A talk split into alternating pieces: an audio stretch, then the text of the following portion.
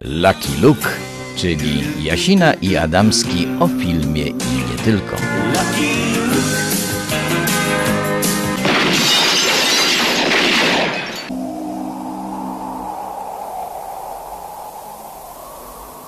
Strzelanie, strzelanie, ale my jesteśmy bardzo pokojowymi ludźmi, proszę Państwa. Z studia Radia dla Ciebie w Warszawie witam Państwa Łukasz Jasina. A ze studia Polskiego Radia Olsztyn w Olsztynie na Warmii Mazurach e, wita Państwa Łukasz Adamski. Pokojowi jesteśmy, ale wiesz, no czasami potrafimy te ząbki gdzieś tam pokazać i pazurki, mam nadzieję. W końcu służymy społeczeństwu, jak już wspominałem wielokrotnie, od Braniewa do Ryk. A to nie są byle jakie miejscowości, proszę Państwa. E, ponieważ nasz światłowód pod Muławą się nie psuje i słyszymy się, Łukaszu, bardzo dobrze, to zaczniemy. A zaczniemy od, e, haha, pandemii. Dawno jej nie mówiliśmy, ale pandemii w kinie.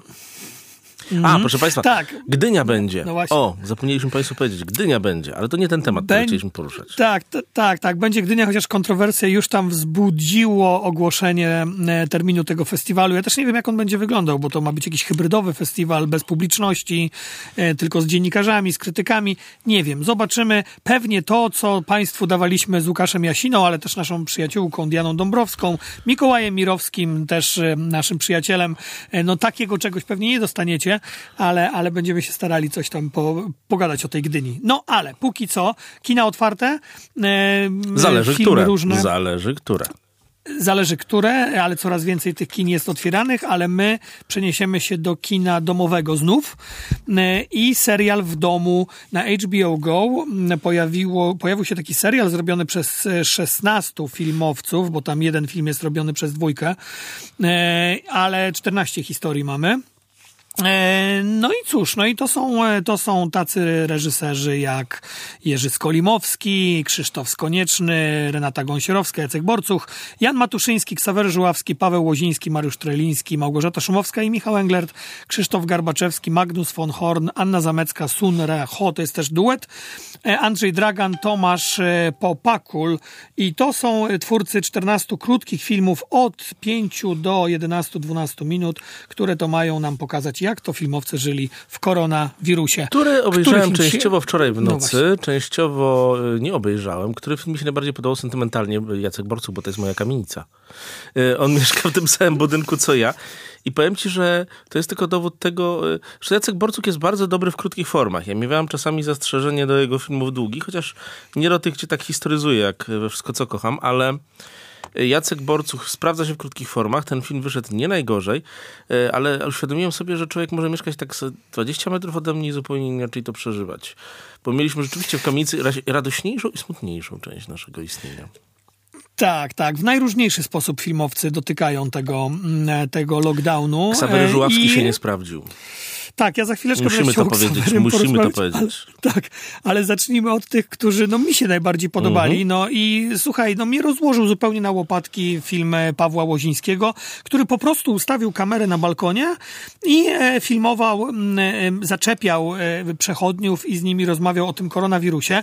No widać dojrzałość dokumentalisty, widać rękę dokumentalisty. W 11 minutach zawarł wszystko, e, co społeczeństwo sądzi o koronawirusie. Miał tam Dzięki i teorie spiskowe, sprawnemu tak. montażowi i powiem tak, rzeczywiście bardzo wybitny film, bo to jest taka tradycyjna, dobra polska szkoła dokumentalna. To Paweł Łoziński ma trochę po ojcu pewnie w genach i po atmosferze Mhm. domowej, ale zrobił to rzeczywiście bardzo ciekawie i myślę, że czasami naprawdę warto jest wyłącznie ustawić kamerę i obserwować, co ludzie, e, co ludzie chcą e, nam powiedzieć, co ludzie przeżywają, tak jak to robił Filip Mosz w e, Kieślowskiego Amatorze.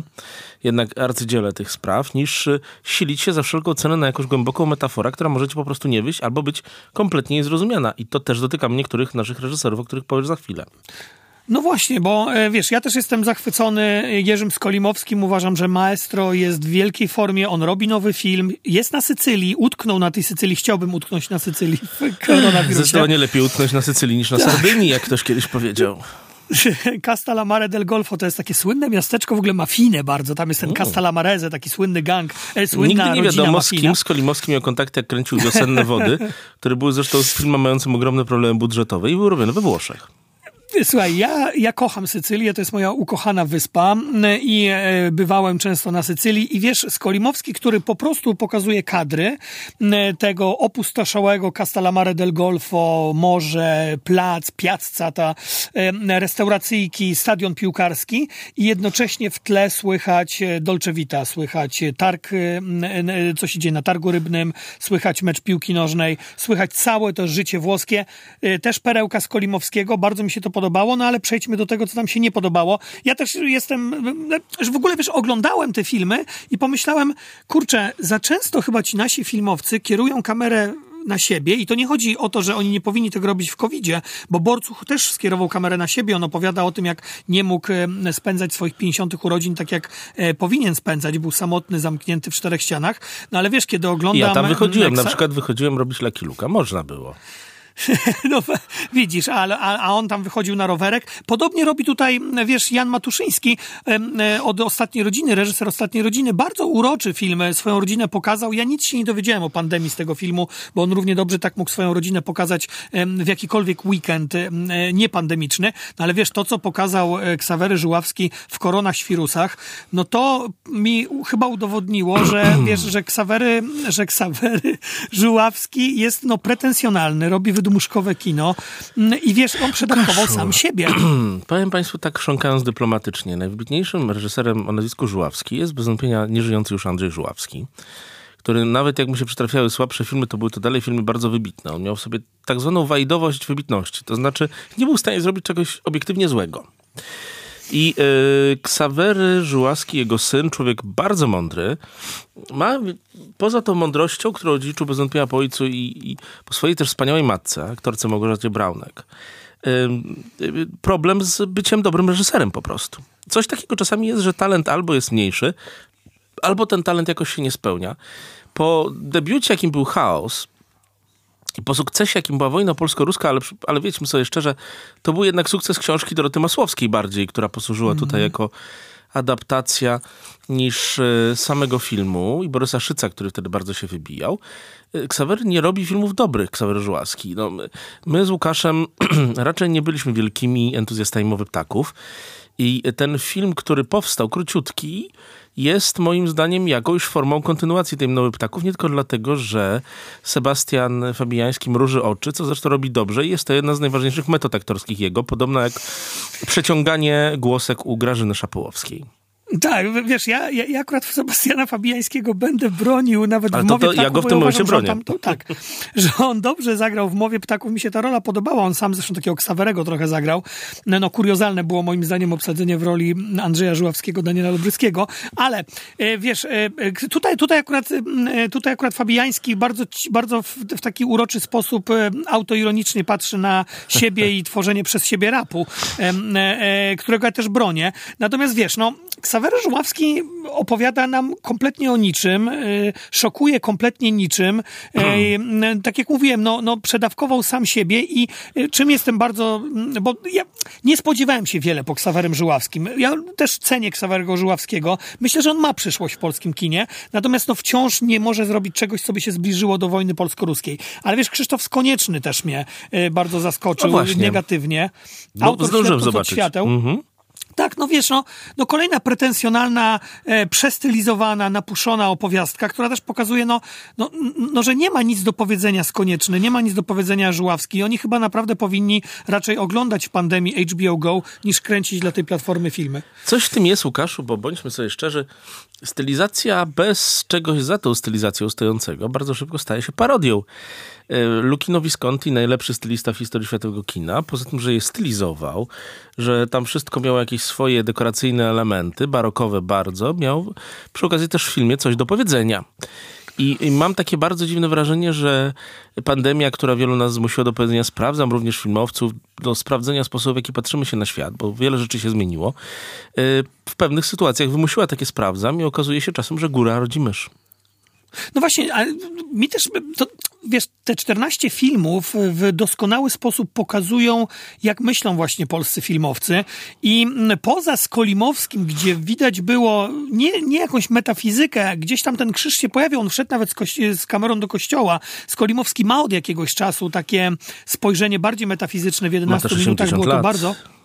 Tak, było to bardzo widoczne. No jego przeżycia, śmierć syna, śmierć byłej żony, tak, mm, też na pewno go skłoniły ku temu. Zresztą ja jak robiłem wywiad z Jerzym Skolimowskim, to on przyznał w tym wywiadzie, że gdzieś tam ten krzyż w 11 minutach umieścił nie przez przypadek. Ale zauważ, reszta filmowców, to nie jest mój zarzut do nich, ale reszta filmowców naprawdę jest pozbawiona jakiegoś takiego ugryzienia metafizycznego, religijnego. Jeżeli ono jest, to ono gdzieś jest takie bardzo synkretyczne, new age'owe, ale nie ma polskie kino chyba w tej chwili w sobie żadnej takiej duchowości no, opierającej się o te trzy monoteistyczne religie. To jest bardzo znamienne, no bo jednak żyjemy w czasie pandemii, e, ten czas, wszyscy zamknięci w domach, apokaliptyczne wizje, a to wszystko jednak jest pozbawione duchowości. Wiesz, duchowość to jest bardzo skomplikowana sprawa i wyrażanie w kinie to jest jeszcze bardziej skomplikowana sprawa, z czym się pewnie obydwaj zgodzimy. I może tak trochę jest, że panujący styl od 20 lat w polskim kinie y, trochę to wymusił. No, wielu polskich reżyserów jak diabła, ojej, to nie jest może dobre porównanie, bało się, y, bało się jakiejkolwiek duchowości, okazywania jej. Y, ona była dla nich symbolem kina, które odchodzi, wszelakich zanussich, prawda? Chociaż to, broń Boże, nie chcę sugerować, że mistrz Janussi też odchodzi. Natomiast mm. reżyser starszego pokolenia, Jerzy Skolimowski, który zresztą nie miał problemów z rozważaniami duchowymi jeszcze w latach 60., w swoich debiutanckich dziełach, po prostu się tego nie boi. Młodsi próbują sięgać do swojego stylu i to, i to generalnie widać od razu, na czym każdy z nich y, wypłynął, ślepnąc od świateł przy całej swojej radosności, ekstazie i w ogóle wszystkim, co tam w środku w tym serialu jest. To jest serial po prostu dekoracyjno-stylistyczny, pokazujący życie mm. elity, która nie jest zbyt mocno uduchowiona, więc jak się go kontynuuje w 10-minutowym filmie, to, to nic z tego za bardzo nie może wyjść i, i w serialu to się sprawdza, tutaj nie no. Na filmy Ksawerego Żelazkiego także chyba potrzeba półtorej godziny. Natomiast Matuszyński, mój drogi, to jest dobry, solidny reżyser, więc on coś na pewno nam opowieściowego pokaże. No myślę, że ja tutaj nie miałem wielkich zawodów i wielkich zaskoczeń aż tak bardzo. Tak, tak, masz rację. Znaczy, Konieczny gdzieś tam starał się, to, to było na podstawie książki Żulczyka, e, tego Ślepnąc od świata, on starał się gdzieś tam dotknąć tej religijności, ale to wszystko było strasznie naskórkowe, takie e, no płytkie.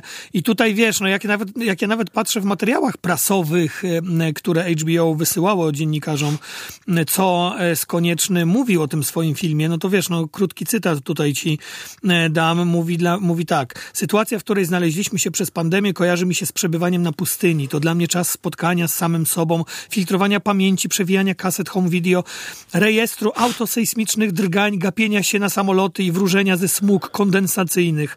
No wiesz, Samoloty wrażenie, za bardzo że... nie latały podczas pandemii. No tak, pustynia tworzy miraże i dekonstruuje iluzję, mówi z koniecznie. Ja nie chcę się tutaj nabijać z niego, ale wiesz, zauważam taką pustkę, wiesz, w tych filmach. Właśnie taką, takie wyjałowienie i takie zastępowanie czegoś, co mogliby ci filmowcy, pochodząc z Polski, bardzo specyficznego kraju, który no, gdzieś ta pulsuje, ta religia, to zderzenie się polityki, religii, trona, ołtarza, coś mogliby więcej dać, a to jest wszystko takie naśladowanie jednak synkretyzmu zachodniego, mi się zdaje.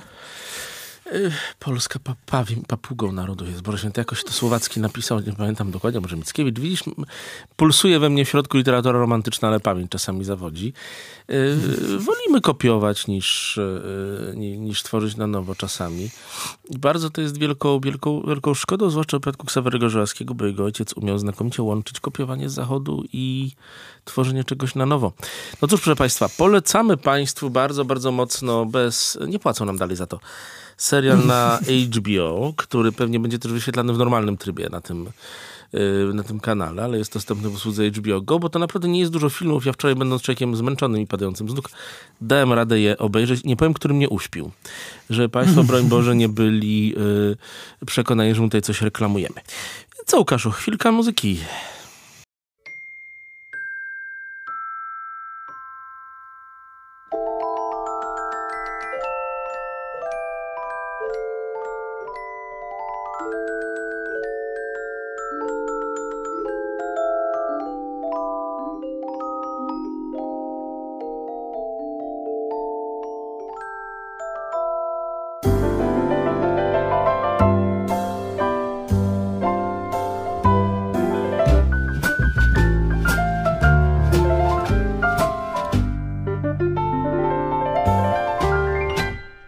A beautiful day in this neighborhood, a beautiful day for a neighbor. Would you be mine? Could you be mine? It's a neighborly day in this beauty wood, a neighborly day for a beauty. Would you be mine? Could you be mine? I have always wanted to have a neighbor just like you. I've always wanted to live in a neighborhood with you. So let's make the most of this beautiful day. Since we're together, we might as well say, Would you be mine? Could you be mine? Won't you be my neighbor? Won't you please? Won't you please? Please, won't you be my neighbor?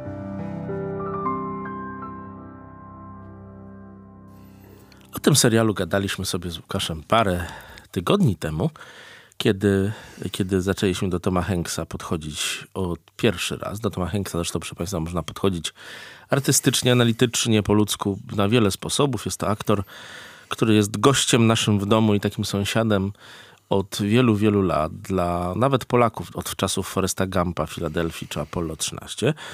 Ale jest to aktor, który w dalszym ciągu jest aktorem bardzo twórczym i właśnie zabłysnął nam na nowo. Tak, i bardzo dobrze, że puściliśmy tą piosenkę z filmu mm, Cóż za piękny dzień, o, gdzie Tom Hanks wciela się w ikonę amerykańskiej telewizji Freda Rogersa i ten film właśnie zadebiutował, wiesz, na platformach VOD. My go omawialiśmy jeszcze kiedy pojawił się na chwilkę w kinach w marcu, tuż przed tak, tą jeden z tych pandemią filmów, koronawirusa. który został przez pandemię niejako włączony. Tak, ja y, tutaj zachęcamy Państwa, żebyście odszukali czy na Spotify, czy na podcaście Radia dla Ciebie, naszej audycji właśnie z marca o tym filmie. Tam y, szeroko rozmawialiśmy o tym, kim był Fred Rogers i jak ważny Tom Hanks jest dla amerykańskiej kultury w kontekście całej historii amerykańskiego kina. A teraz nowy film z Tomem Hanksem pojawia się na platformie Apple TV. Film, który miał być no chyba jednym z najważniejszych tak zwanych blockbusterów letnich. Ale nie Ten będzie. film miał wejść do... Nie będzie. Przez koronawirusa on się pojawia od razu na małym ekranie. Misja Greyhound. E, film e, wojenny, film e, napisany przez Toma Hanksa. Dwukrotny zdobywca Oscara gra tam główną rolę. On od jakiegoś czasu, to zaraz ty o tym opowiesz pewnie, on od, od jakiegoś czasu jest zafascynowany II wojną światową. Od szeregowca Ryana, Stevena Spielberga, poprzez serial Pacyfik i Kompania Braci, które to wyprodukował razem ze Spielbergiem. No Tom Hanks opowiada o II wojnie światowej. Tutaj wciela się w komandora Ernesta Krausego, który to walczy z ubotami jako kapitan statku na morzu w czasie II wojny światowej. Akcja zaczyna się w roku 1942. I wiesz, ja ten film, ten film jest zdumiał absolutnie, bo to jest taki film, który jest blockbusterem, jest filmem wojennym, trwa zaledwie niecałe 90 minut, jak utniesz początkowe i końcowe napisy, to wyjdzie ci 80 minut i nagle, wiesz, jesteśmy wrzuceni w sam środek akcji, trochę jak w Mad Maxie Millera. Po prostu dostajemy taką pigułkę no, kina akcji. Dostajemy film, w którym to Tom Hanks jest kapitanem i też zaraz o tym porozmawiamy, bardzo wierzącą osobą. To jest kolejny film, dlatego dobrze, że dałeś tą piosenkę z Beautiful Day in the Neighborhood, bo znów Tom Hanks gra chrześcijanina wierzącego i który po prostu musi ocalić siebie, załogę, statek. Film jest pozbawiony patosu amerykańskiego typowego z szeregowca Ryana. Film jest pozbawiony tego te, takiego ukąszenia amerykańskiego właśnie kina wojennego. 100% akcji, zdumiewający film. Zupełnie się nie spodziewałem takiej, takiego, takiego obrazu. Tutaj jako Polak muszę powiedzieć, otóż film ten wykazuje rozliczne błędy historyczne, które na szczęście zostały wykryte o. już w ciągu kilku nocy przez ludzi, którzy to analizują. Otóż proszę Państwa, w, w wypadku pewnej historii nie było takiego, tak, nie było w, tak, w, tym miejscu, w którym jest statku Eagle, który zresztą tonie. W tym miejscu znajdowała się nasza błyskawica, która została tutaj bardzo brzydko pominięta, ale może to i dobrze, bo błyskawica nie zatonęła. Ale chcę tylko powiedzieć, że nawet wielki przyjaciel Polski Tom Hanks, który dostał od nas malucha, nie uwzględnił odpowiednio Polaków w historii II wojny światowej. Choć myślę, że to oczywiście przypadek, ale przypadki też są pewnym dowodem na to, że o pewnym czasie nie pamięta. A teraz przejdę do chwalenia. Rzeczywiście mhm. powiedziałeś o tym, że jest to film e, taki bardzo dobry, pozbawiony patosu, chociaż też e, Szeregowiec Ryan, pamiętaj, był przykładem innego patosu. To już był pewien remont dobrego, amerykańskiego dobrego patyczna. patosu. Tak, to jest coś takiego, co nam chyba wszystkim weszło było dobre, dawało dużo o wartościach, bo też i Spielberg był kimś e, innym niż tacy bardzo klasyczni twórcy amerykańskiego kina wojennego. A to jest film bardzo mocno, wbrew pozorom, do tego amerykańskiego kina wojennego, minus trochę patosu, podobny. Tak wyglądały, mm, tak wyglądał troszeczkę pierwszy film e, Davida Lina, który był bohaterem mojego doktoratu. Film nie amerykański, a brytyjski. Nasz okręt, czyli po angielsku In Which We Serve, który przedstawia historię walczącego mniej więcej w podobnych bitwach akurat na krecie okrętu. Więc y, mamy tam kapitana, który jest odpowiedzialnym, dobrym, wartościowym człowiekiem, wodzącym się z jakiegoś takiego tradycyjnego w gruncie rzeczy społeczeństwa, który zna swoją rolę społeczną, którą jest y, wykonanie misji i uratowanie ludzi. Mm, y, również średni, niski personel są w tym filmie tak przedstawione. Co mnie w Greyhoundzie bardzo mocno zafascynowało, to ten potężny powrót do klasycznego kina i tego, że ten film, no, w tym filmie nowoczesność jest tylko elementem technicznym, prawda? Ten film korzysta już na tych 90 niecałych minutach ze wszystkich zdobyczy współczesnej techniki, sposobu w jaki się film montuje, ale też oczywiście bez przesady, bez fajerwerków. Pokazuje nam, że skupienie się na historii, skupienie się na, na opowieści, którą widzimy w filmie, powinno być najważniejsze. I to jest też ciekawa sprawa, bo sam Tom Hanks nawet jak występował w wielkich, monumentalnych blockbusterach, których technika przewyższała opowieść, zawsze doprowadzał siłą swojego aktorskiego talentu, takiego normalnego, klasycznego aktorstwa, jakie on reprezentuje, do uznania, że role, że opowieść są najważniejsze. A co do historyczności, to poza tym oczywiście zastrzeżeniem, yy, jakie dałem z powodu błyskawicy, to jest dobrze zrealizowany film pokazujący ważny wycinek historii, bo bez tych misji atlantyckich, bez tych walk na oceanie nie byłoby uratowania Europy w czasie II wojny światowej przez Stany Zjednoczone. I tutaj też wchodzi bardzo ważna, wartościowa rzecz, yy, która zaczęła już pewną dyskusję w Ameryce o tym filmie. Yy, niektórzy wręcz odbierają jego, są tacy ludzie, którzy wszędzie widzą politykę, yy, co nie jest zresztą prawdą, moim zdaniem, że polityka wszędzie jest. Yy, którzy widzą w tym filmie metaforę tego zaangażowania pozytywnego Stanów Zjednoczonych w dwie wojny światowe, z których Ameryka teraz trochę z tego zaangażowania rezygnuje w czasie prezydentury Donalda Trumpa. Czyli co, czyli znów, znów uderzenie w izolacjonizm Donalda Trumpa i myślisz, że ale co, z pozycji neokonserwatywnych? Ja myślę, że to oczywiście, a, musimy... ta, ja myślę, że to oczywiście bardzo wielu ludzi tak to widzi, bo dla wielu ludzi, zwłaszcza w roku wyborczym, a takim jest rok 2020, wszystko jest potencjalnie uderzeniem albo w Donalda Trumpa, albo w Bidena, ale ja myślę, że raczej twórcy tego filmu zrobili go z innego powodu, po prostu chcą zrobić film, natomiast oczywiście on będzie wykorzystywany, zwłaszcza, że poglądy Toma Hanksa są znane, to nie jest, to jest nie neokonserwatysta, to jest rzeczywiście chrześcijanin wierzący. To jest człowiek, którego absolutnie nie można uznać za jakiegoś na przykład choćby zwolennika tej ekstremalnej fazy yy, rozruchów, które mają miejsce w tej chwili w Stanach Zjednoczonych. Ale nie jest to też zwolennik Donalda Trumpa, który, bądźmy szczerzy, przez porządnych ludzi, którzy uważają, że prezydentura Busha czy Reagana była czymś nie najgorszym w latach 80. i 90., oni nie mogą Trumpa uważać za prezydenta wybitnego, dobrego, który jest prezydentem z ich marzeń. E, tak, no też podkreślmy tutaj, bo mówiłeś o tych nieścisłościach. Ten film jest trochę tak reklamowany, był reklamowany jako opowieść op oparta na faktach. Tam otwiera ten film oczywiście plansza, że jest to oparte na faktach. W rzeczywistości to jest, to jest adaptacja książki e, Cecilia Scotta Forestera, The Good Shepherd. On niebawem, za kilka dni chyba w, w Polsce właśnie jako misja Greyhound pojawia się pierwszy raz u nas na, na rynku. Ale wiesz, zauważ, Thomas, to, Thomas, Tom Hanks, Tom Hanks no, tworzy znów właśnie rolę takiego Amerykanina archetypicznego troszeczkę, znaczy postać z lat 50. wyjęta. On w tym filmie mm, e, jako, mm, jako ten komandor Ernest Kraus e, zaczyna dzień e, modlitwą, kończy dzień modlitwą, wyrzeka się niemal no, pożywienia. On, przez, tam jest taka zabawna scena przez cały ten film. Kamerdyner, swoją drogą czarnoskóry, to chyba jest bardzo niepoprawne politycznie. A tak, Kamer, proszę tak. Państwa, to wyglądało w okresie II wojny światowej. No. Tak, no ale wiesz, ja myślę, że kino dzisiaj, znaczy, że tak już oszaleli inkwizytorzy, że oni ja mogą eliminować tak, eliminować i mogą, mogą eliminować takie postaci i zamieniać na białych, ale mm, no zauważ, że tam cały czas ten kamerdyner biega z kanapką za, e, za e, Tomem Hanksem, a on nie ma czasu jej zjeść. E, I wiesz, i kończy oczywiście mm, swój dzień kładąc się do łóżka, biorąc Biblię do ręki. Dawno nie widziałem takiego obrazu, obrazu i to się bardzo łączy z Fredem Rogersem, właśnie tą ikoną konserwatywnej amerykańskiej telewizji, takiego mądrego konserwatyzmu, spokojnego, wyważonego, takiego właśnie sąsiedzkiego i tutaj Tom Hanks też jest takim sąsiadem naszym.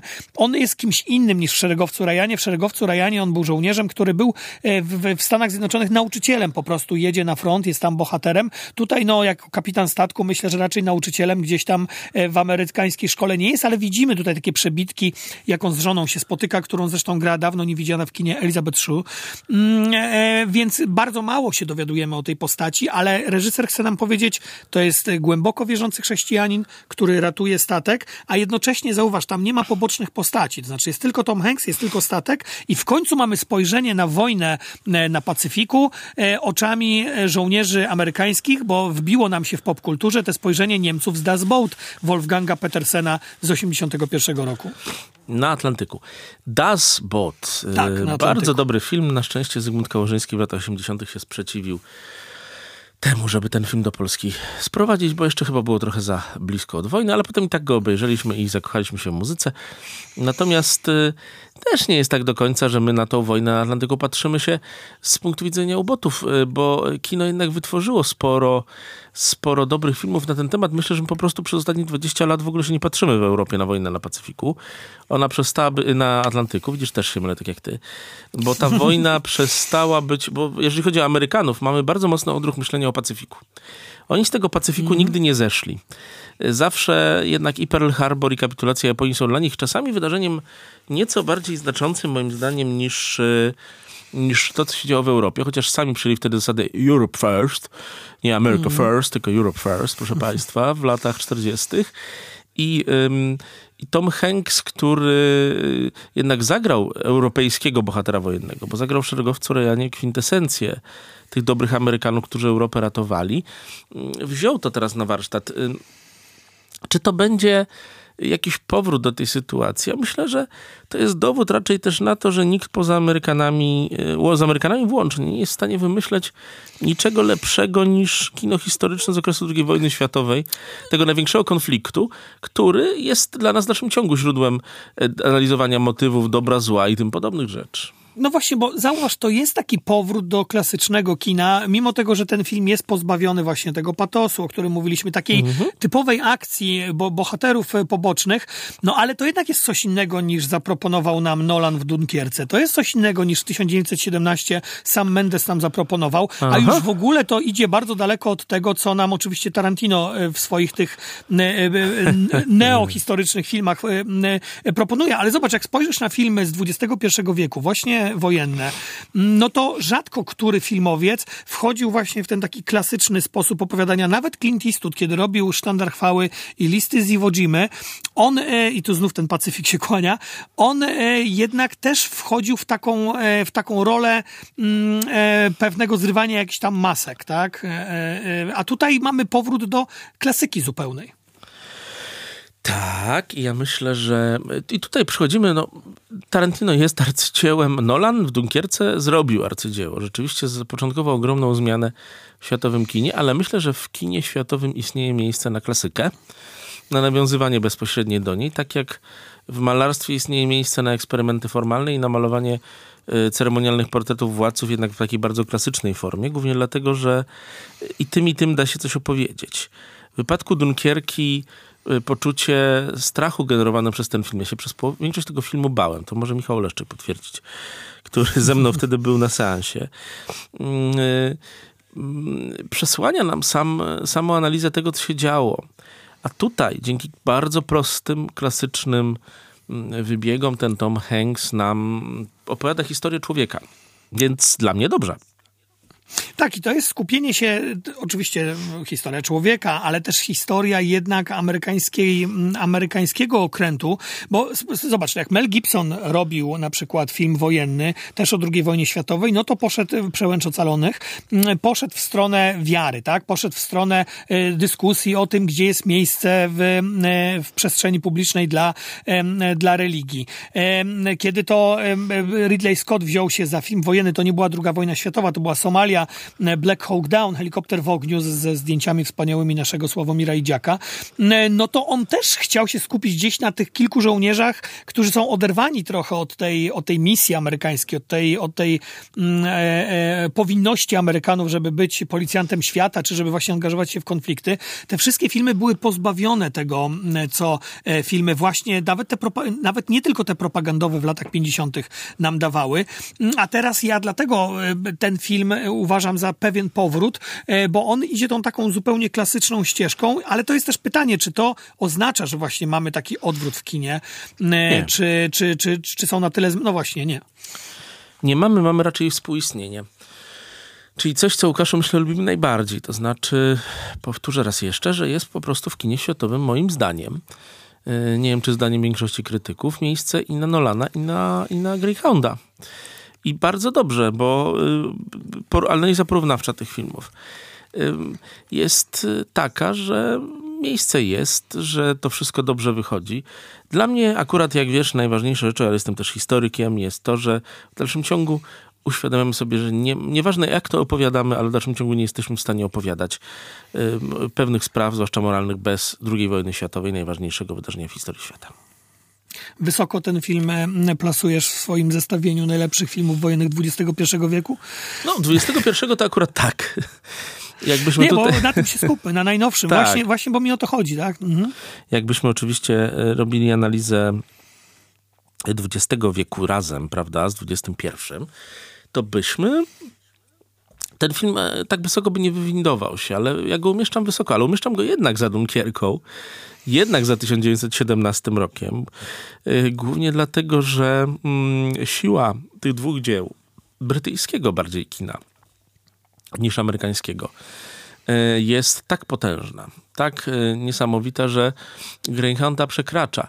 Greyhound jest reprezentantem tego gatunku, który nawet w czasach, kiedy on dominował, klasycznego kina wojennego był zawsze nieco bardziej kameralny, więc Tom Hanks wysoko i też głównie z uwagi na rolę Toma Hanksa kolejną. Ja wyraźnie widzę, że ten człowiek musi... On chyba się wziął na ambit i, i doszedł do wniosku, że skoro jakiś taki byle jaki Day-Lewis ma trzy Oscary, Y, jakiś tam Irlandczyk. No nie, metaforyzuję, bo oczywiście nikt z nas przy zdrowych zmysłach nie uważa, że Daniel Lewis sobie nie zasłużył na te trzy Oscary. Myślę, że na więcej niż trzy. I jest bardzo dobrym aktorem. Ale myślę, że Tom Hanks, który jest symbolem amerykańskiego aktorstwa ostatnich 20, 30, 40 prawie lat, tej takiej wspaniałej amerykańskiej ewolucji aktorskiej od chłopaczka z wytwórni Disneya i komedii do obecnej postaci, chciałby jeszcze dostać tą nagrodę jako starszy pan. Jako 60-latek. No tak, bo, tak, bo dwa Oscary, początek lat 90., Filadelfia, Jonathan, Jonathana Adama i Forrest Gump. Oczywiście I prawie pewne Oscary za Apollo 13 i za szeregowca Ryana, gdzie nie dostał je tylko dlatego, że po prostu byli równie dobrzy na szczęście kandydaci i bano się jednak tak wtedy dawać wszystko Tomowi Hanksowi. Ktoś w 90 latach żartował, że gdyby nagle pojawiła się adaptacja Romea i Julii, to oni by wymyślili jakiś sposób na to, żeby Toma Hanksa obsadzić jako Romea mimo wieku. Tak, no ostatnia nominacja do Oscara mm, to właśnie ten rok 2020, cóż za piękny dzień mm, za Freda Rogersa, ale wcześniej no to musiał czekać prawie 20 lat na tą nominację, bo wcześniej 2001 rok i Castaway mm, poza światem nominacja do Oscara, ale zauważ, no Tom Hanks ostatnio, on, on się, bo on stał się takim Henrym Fondą trochę, już mówiliśmy o tym. Oj, to jest rzeczywiście dobre się... porównanie i chyba nawet nasze autorskie, Łukaszu nasze autorskie, on jest kimś takim, bo jak spojrzysz na te jego ostatnie filmy, czy to Czwarta Władza e, Stevena Spielberga, moralizatorski film o tym, czym powinno być dziennikarstwo, e, czy Sali Clint'a Eastwooda, libertariański film, tak, o, o tej sile jednostki, który przeciwstawia pik, się pik, systemowi. raz słowo libertariański padło. Będziemy teraz pikować, tak, Liberty albo Clint Eastwood po prostu, ale też Most, most Szpiegów e, e, Stevena Spielberga. E, zresztą tam też, pamiętasz, on zagrał kapitana Philipsa, takiego kapitana porwanego przez, terro, przez terrorystów. Film moim zdaniem piratów. zdecydowanie do, lepszy niż został doceniony. To znaczy, naprawdę niezła metafora sytuacji na świecie z bardzo niesztalpowymi piratami. Tak, tak. No ale on też przecież jednak e, Tom Hanks wcielił się w Walta Disneya samego, wratując pana Banksa, więc to jest taki aktor, który e, gra te postacie bardzo ważne dla amerykańskiego kina, ale właśnie takiego no, oldschoolowego amerykańskiego kina i ja myślę, że on ze Spielbergiem już powinien tworzyć e, do końca świata jeden dzień dłużej i dać nam różne takie Ale West Side na które tak. czekamy obydwaj Łukaszu, a ja to pewnie nawet bardziej jako stary y, kochanek musicali y, nie gra na szczęście, chociaż moim zdaniem y, pięknie by zaśpiewał słynną piosenkę I Feel Pretty, Very Pretty, z, który śpiewała pierwotnie Natalie Wood. Nie, Tom Hanks, y, daj mu Boże jak najdłuższe lata, on będzie grał do końca życia bardzo dobrze. Y, to jest, ja- jak to już powiedzieliśmy przy filmach Żułaskiego i Wajdy na początku, tak zwana wajdowska nieumiejętność zepsucia czegoś. Ja to już nazywam spieprzenia, prawda? Tom Hanks nie jest w stanie zagrać roli, której my nie zapamiętamy i która nie będzie odebrana w taki sposób. I to rzeczywiście w tym sensie on jest Henrym Fondą. I on się w przeciwieństwie do Henry'ego Fondy doczekał szybko Oscarów i nawet większego docenienia. Y, Więc y, zobaczymy. Na razie y, namawiamy Państwa bardzo, bardzo mocno wspólnie z Łukaszem Adamskim do obejrzenia tego filmu, przy niektórych jego oczywiście wadach, które wskazaliśmy, i do refleksji nad tym, jak kino historyczne jeszcze tutaj sobie zaczyna poczynać. Kino historyczne dzięki filmowi Greyhound się paradoksalnie odnawia w stopniu nie mniejszym niż w wypadku Quentina Tarantino czy Nolana. Tak, a ja tylko obawiam się, bo już zaraz przechodzimy do kolejnej części programu. Czego ja się się tylko obawiam, że, że jeżeli misja Greyhound będzie ogromnym sukcesem finansowym na platformie Apple TV, to e, no, uznają jednak producenci, że może naprawdę dużego ekranu nie potrzebują i może naprawdę kin nie potrzebują i będą na VOD pakować nawet wielkie blockbusterowe produkcje. Trochę tak, a pamiętajcie Państwo, drodzy, że nawet ja i Łukasz Adamski nie mamy tak dużych ekranów, na których by się to z taką przyjemnością oglądało, bo czasem to musi tak huknąć ci z boku, huknąć coś tam. Nie wiem, może na, taką zrobimy karierę naszym Lakiem Lukiem i takie, takie zbierzemy pieniądze, że będziemy sobie mogli zbudować specjalną salę kinową, ale to pewnie też na spółkę, czyli w Mławie. Więc tak. założymy sobie kino Lucky Luke w Mławie w połowie drogi. Proszę Państwa, a teraz muzyka, muzyka, której użył pewien Quentin, ale, nie, ale ona nie jest z filmu Tarantino. Państwo pewnie znają piosenkarkę.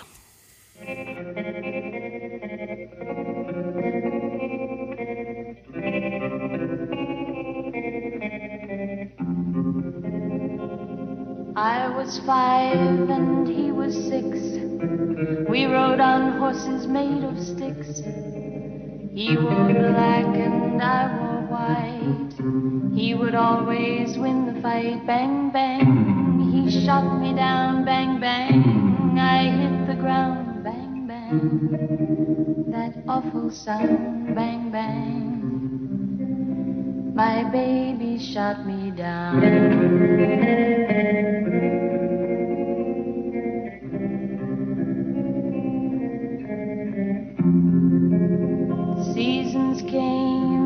Changed the time. When I grew up, I called him mine. He would always laugh and say, Remember when we used to play bang bang? I shot you down, bang bang. You hit the ground, bang bang. That awful sound, bang bang. I used to shoot you down.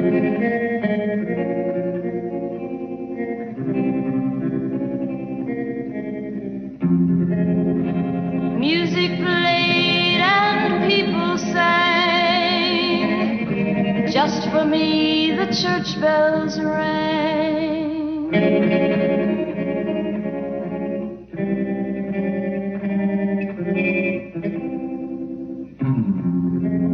Now he's gone, I don't know why.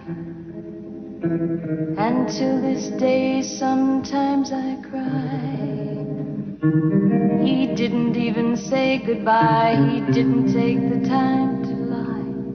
Bang, bang. He shot me down. Bang, bang. I hit the ground. Bang, bang. That awful sound. Bang, bang. My baby shot me down.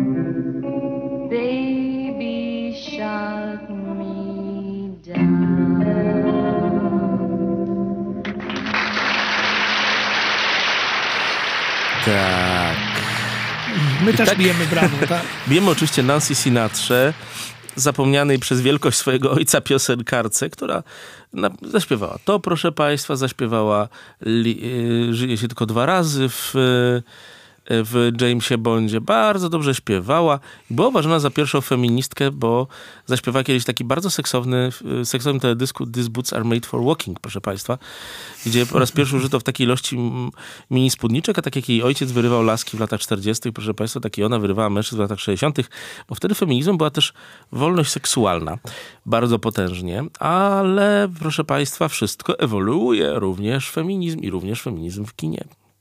Juliette Lewis cytowała tą piosenkę Nancy Sinatry, jak chciała przejść po twarzy Skagnettiego, jak pamiętasz, granego przez Thomasa Sizemora w Urodzonych Mordercach na podstawie scenariusza Quentina Tarantino. Oliver Stone zepsuł ten scenariusz Quentinowi Tarantino. Quentin był bardzo wkurzony, jak Oliver Stone z opowieści o mediach i o tym, jak to media są paskudne, zrobił swoją wersję Bonnie i Clyde. No ale ten film jest kultowy, ja ten film cenię, lubię, ale my będziemy tutaj rozmawiać nie tylko o Tarantino, chociaż ta piosenka Nancy Sinatry Bang Bang e, jest dlatego, ponieważ Tarantino zrobił bardzo feministycznego Kill Billa. Zresztą mój ukochany film Quentina Tarantino nie podziela tego wielu ludzi, bo mówią zawsze Pulp Fiction, Pulp Fiction, a ja mówię nie pewnego razu w e, Hollywood i Kill Bill. To są te, te dwa filmy Tarantino, ale e, co tutaj się zdarzyło? Zdarzył się na Netflixie film The Old Guard. No i tutaj mamy feministyczne kino Kopane z Charlize Theron, która to wyprodukowała mm, ten film, zagrała główną rolę. Mm, I wiesz co? To jest film, który jest bardzo znaczący w właśnie. kinie komiksowym. Właśnie. Właśnie, właśnie. Ja akurat jeżeli chodzi o Quentina Tarantino, to zawsze wolałem najbardziej yy, karty wojny, które cały czas wymawiam po amerykańsku, wtedy akurat byłem w Stanach, więc, yy, więc jednak tu się u mnie historyk odzywa. Ale Charlie Theron, pamiętaj, to jest jednak aktorka, która zrobiła dla światowego feminizmu bardzo dużo i to nie jestem pewien, czy zawsze intencjonalnie. To jest osoba, która y, robiła jeszcze karierę bardzo klasycznie na urodzie. Mm, zaczęła od adwokata diabła, a potem dzięki filmowi Monster, czyli Potwór, ale też się tego nie tłumaczy, za który dostała Oscara, zainicjowała moim zdaniem bardzo ważną dla obecnego feminizmu yy, zmianę w filmie światowym polegającą na pobrzydzaniu się pięknych aktorek i budowaniu przekonania, że kobieta jest równie mocno obdarzona talentem, nawet gdy jest ładna, które było wcześniej wyjątkowo brzydko przez Hollywood zwalczane.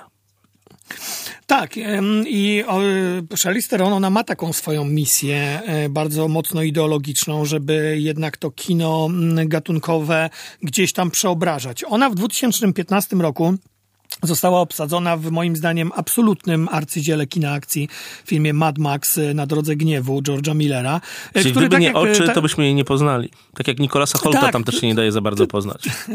tak, tak jak rozmawialiśmy o, o, o, tej, o tej misji Greyhound z Tomem Hanksem i mówiliśmy o tym, że to jest taki film, w którym to zostajemy wrzuceni w sam środek kina akcji po prostu. Mm, tak samo było z Mad Maxem, tak? Dostaliśmy taką perełkę, gdzie mistrz George Miller powiedział, o, ja wam daję kino akcji i zawstydzę was wszystkich młodych filmowców. I ona tam gra Furiozę, która stała się ważniejszą postacią niż e, Max. Mm, w ogóle Tom która... Hardy, którego chyba ja bardzo cenię, nie wiem jak ty, ale chyba też. Uważam, że to jest dobry aktor. Ten Tom Hardy jakoś strasznie się dał zdominować wszystkim pobocznym rolom w tym Mad Maxie, czego Mel Gibson by sobie nie pozwolił zrobić 30 kilka lat temu. Mox, Mox, Max Rochatański to Polak, prawda? Jest, Oczywiście, bo generalnie kiedyś każdy kojarzył, że jak jest nazwisko słowiańskie i ktoś jest policjantem, to musi być Polakiem w krajach anglosaskich. Tak. No to wiesz, no, Mel Gibson jako Polak był tutaj lepszy, ale Furioza była tak świetna, że dostaje swój własny film. E, George Miller zamierza go zrealizować bez Charlize Theron. E, I ona dosyć jest zawiedzona. Mówiła w wywiadach, że jest smutno, no ale to ma być prequel o, o młodej Furiozie. E, The Old Guard na Netflixie to jest taki film, w którym to Charlize Theron wciela się w postać nieśmiertelnej i tutaj mamy nawiązanie oczywiście do całej spuścizny kina wampirycznego, do nieśmiertelnego z Christopherem Lambertem i Seanem Connery, jak pamiętasz, z lat 90., 80. No jakby miał nie być. Tak, ale ona się wciela w taką, e, w taką no, e, osobę, która ma swoją grupę asasynów. E, oni żyją nie wiadomo jak długo, setki lat, może nawet dłużej. Na pewno część z nich walczyło nawet w wyprawach krzyżowych. No i mamy tutaj wielką korporację straszną, medyczną, która chce aresztować za pomocą CIA tą właśnie grupę, żeby robić na nich doświadczenia i żeby sprzedawać leki. E, to jest wszystko oparte na komiksie Greda Araka, który napisał też tutaj scenariusz. No i oczywiście to jest takie kino kopane z jednej strony, ale z drugiej strony jest to e, kino o superbohaterach, e, wpisujące się w tą modę kina marvelowskiego, kina DC.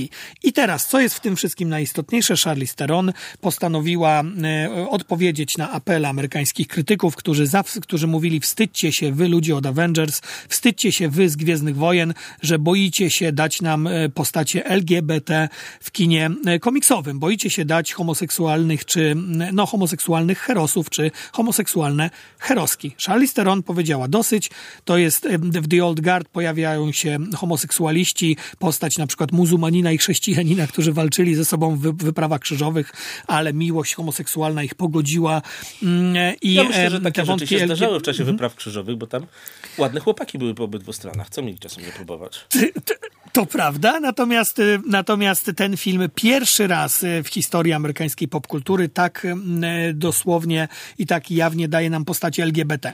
Ale to jest chyba film ważniejszy pod kątem feministycznym, bo od jakiegoś czasu kino, kino akcji jest feministyczne i nie tylko przez Kill Billa Tarantino, nie tylko przez Death Proof Quentina Tarantino, gdzie Kurt Russell był zabijany przez piękne kobiety, ale chyba, no, drogi Łukaszu, no od czasu Obcego, Ridleya Scotta mamy postać silnej kobiety.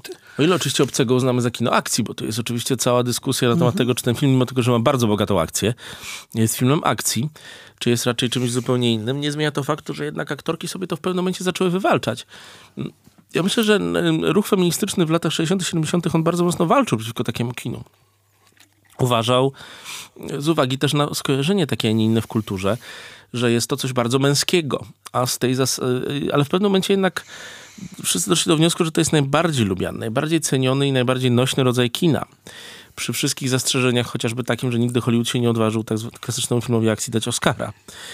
Więc y, różnie z tym bardzo bywało i w pewnym momencie te kobiety zaczęły się pojawiać. Pierwsza była replay. Tak, ja się z tobą zgodzę jednak ostatecznie. Ale potem było ich coraz więcej, było one bardzo różne, bo i Berry była kobietą kotem w pewnym momencie. Więc mm. to były bardzo różne filmy. Ale w tej dekadzie rzeczywiście stało się coś takiego, o czym trochę zacząłeś mówić. Yy, nastąpiła jakaś pierwsza forma równoważności między kobiecymi a męskimi bohaterami. I, I to zarówno w filmach, gdzie kobiety w końcu stały się głównymi bohaterami, aktorkami. Nie były już tylko tą, tą superwoman, która była czasami uzupełnieniem jakimś yy, supermana. Po drugie, nawet kiedy występowali razem w tych różnych y, filmach zbiorowościowych, jak ja nazywam te wszystkie marvelowskie dzieła, gdzie występuje naraz ogromna ilość superbohaterów i człowiekowi się aż w oczach to wszystko mieni, y, kobiety też stawały się równorzędnym partnerem mężczyzn. I w tym sensie w ciągu tych ostatnich 20 lat kobietom w tej jednej hollywoodzkiej pozycji bez wątpienia udało się doprowadzić do wyrównania szans do tego, że nie ma już tutaj wyłącznie męskiego dyktatu, a filmy akcji przestały być właśnie ulubionym obiektem ataku niektórych feministycznych krytyczek filmowych, y, a wręcz przeciwnie. Jest to zmiana, której moim zdaniem, kiedy dorastaliśmy obydwaj w latach 90. i na początku y, lat 2000 kompletnie się nie spodziewaliśmy, że nastąpi. Tak, no, w tych ostatnich latach, 2017-2018 e, rok, no to zarówno DC wypuściło Wonder Woman, e, czyli swoją opowieść o superbohaterce, też takiej nieśmiertelnej, żyjącej e, setki, setki lat, a właściwie sięgającej jeszcze dalej niż postać grana przez Charlize Theron w The Old Guard. No, oczywiście DC, DC, oczywiście Marvel odpowiedział, konkurencja do DC, swoim filmem Kapitan Marvel z Brie Larson, Johnson, mhm. która zresztą później oczywiście pojawiała się też w Avengersach, no bo to mówisz o tych zbiorczych. Brie Larson to, to jest aktorka, która tego, że ma Oscara, na szczęście nie skończyła kariery razem z tym Oscarem. To jest jeszcze bardzo perspektywiczna dziewczyna. Tak, tak, tak, y, to prawda. Natomiast wiesz, no jeżeli spojrzysz właśnie na kino mm, science fiction, które ma tam elementy kina akcji, no to i James Cameron mm, y, nie tylko w drugiej części Obcego, ale przecież w Terminatorze mm, stworzył bardzo mocną postać y, Sary Connor, którą gra Linda Hamilton. I ta, te postacie były kontynuowane. Później mieliśmy też taką serię w 2003 roku chyba zapoczątkowaną Underworld E, gdzie Kate Beckinsale była, tak? E, Salt, Angelina Jolie, e, tam Daniel Olbryski zresztą w tym Salt zagrał. Kilka of course filmów... played Russian.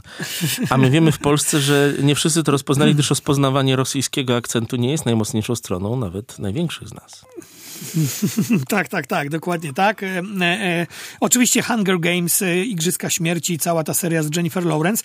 No ale wiesz, ja jednak myślę, że to Quentin Tarantino wniósł e, ten feminizm na, na inną e, płaszczyznę, bo e, Kill Bill z 2003 roku, no to był film, w którym Uma Thurman z tym mieczem samurajskim masakrowała wszystkich i to wszystkich z tych archetypicznych popkulturowych gatunków. Zauważ, tam jest, mówiliśmy w zeszłym tygodniu o Ennio Morricone, tam też Tarantino to był w pierwszym swoim filmie wykorzystał Ennio Morricone, bo nawiązywał do spaghetti westernów, szczególnie w Kill Bill e, w części drugiej. Więc tam jest Kill Bill, tam jest kino kung fu z Bruce'em Lee, no też bardzo męskie, jednak ociekające testosteronem kino. E, tam masz kupę innych gatunków, w których to ta Uma Thurman jest najważniejsza. Później Tarantino w Death Proof zrobił dokładnie to samo. Mm, kiedy to pokazał tego, kiedy tutaj chciał e, pobawić się tym gatunkiem Grindhouse razem z Robertem Rodriguezem i, i pokazał tego maniakalnego mordercę, który swoim samochodem zabija Kurt Russell i on dostaje karę właśnie od kobiet. I zauważ, ten sam Quentin Tarantino, który dał nam Kill Billa, który dał nam Death Proof, który dał nam silne postacie Mii Wallace w Pulp Fiction również, ten sam Quentin Tarantino na festiwalu filmowym w Cannes e, został oskarżony e, na, podczas konferencji prasowej przez dziennikarkę, pewnie francuską, chociaż nie, bo francuskie feministki są trochę inne, więc może Amerykankę, został oskarżony o to, że Margot Robbie, grająca Sharon Tate w Amy e, i Bank pierwszy raz się pojawi nazwisko Polańskiego, czyli która grała żonę Romana Polańskiego. A to już w ostatniej e, minucie, więc prawie się nie liczy. Tak, a to już kończymy, więc, więc, więc w tym filmie. Ona, mm, e, e, Tarantino, zarzucono Tarantino tam, że Margot Robbie nie wypowiada ani jednego prawie słowa, że jest milcząca. Tarantino powiedział tej dziennikarce, że ja z panią w ogóle nie zamierzam rozmawiać na ten temat, więc nawet Tarantino dostaje czasami od feministek, ale po rewolucji Charlize Theron może i Tarantino nie dostanie Ja myślę, że najbardziej dostały pewnie pani krytyk od y, Margot Robbie, która mi wypowiedziała tam zbyt wielu słów, ale zdominowała ten film, bo jest po prostu wielką aktorką i to jest myślę największy dowód na to, że jak się o kobiece prawa walczy. Proszę Państwa, no myśmy sobie jeszcze mogli z Łukaszem gadać oczywiście 35 godzin, ale na szczęście ktoś nas tu ogranicza i to jest dobre. Yy, proszę Państwa, bezpośrednio po zakończeniu naszego cudownego programu będzie można nas usłyszeć w podcaście Radia dla Ciebie i, na, i w serwisie Spotify. Zapraszamy Państwa. Łukaszu, dziękuję. Bardzo dziękuję Łukaszu i do, do usłyszenia za tydzień. I muzyka na koniec.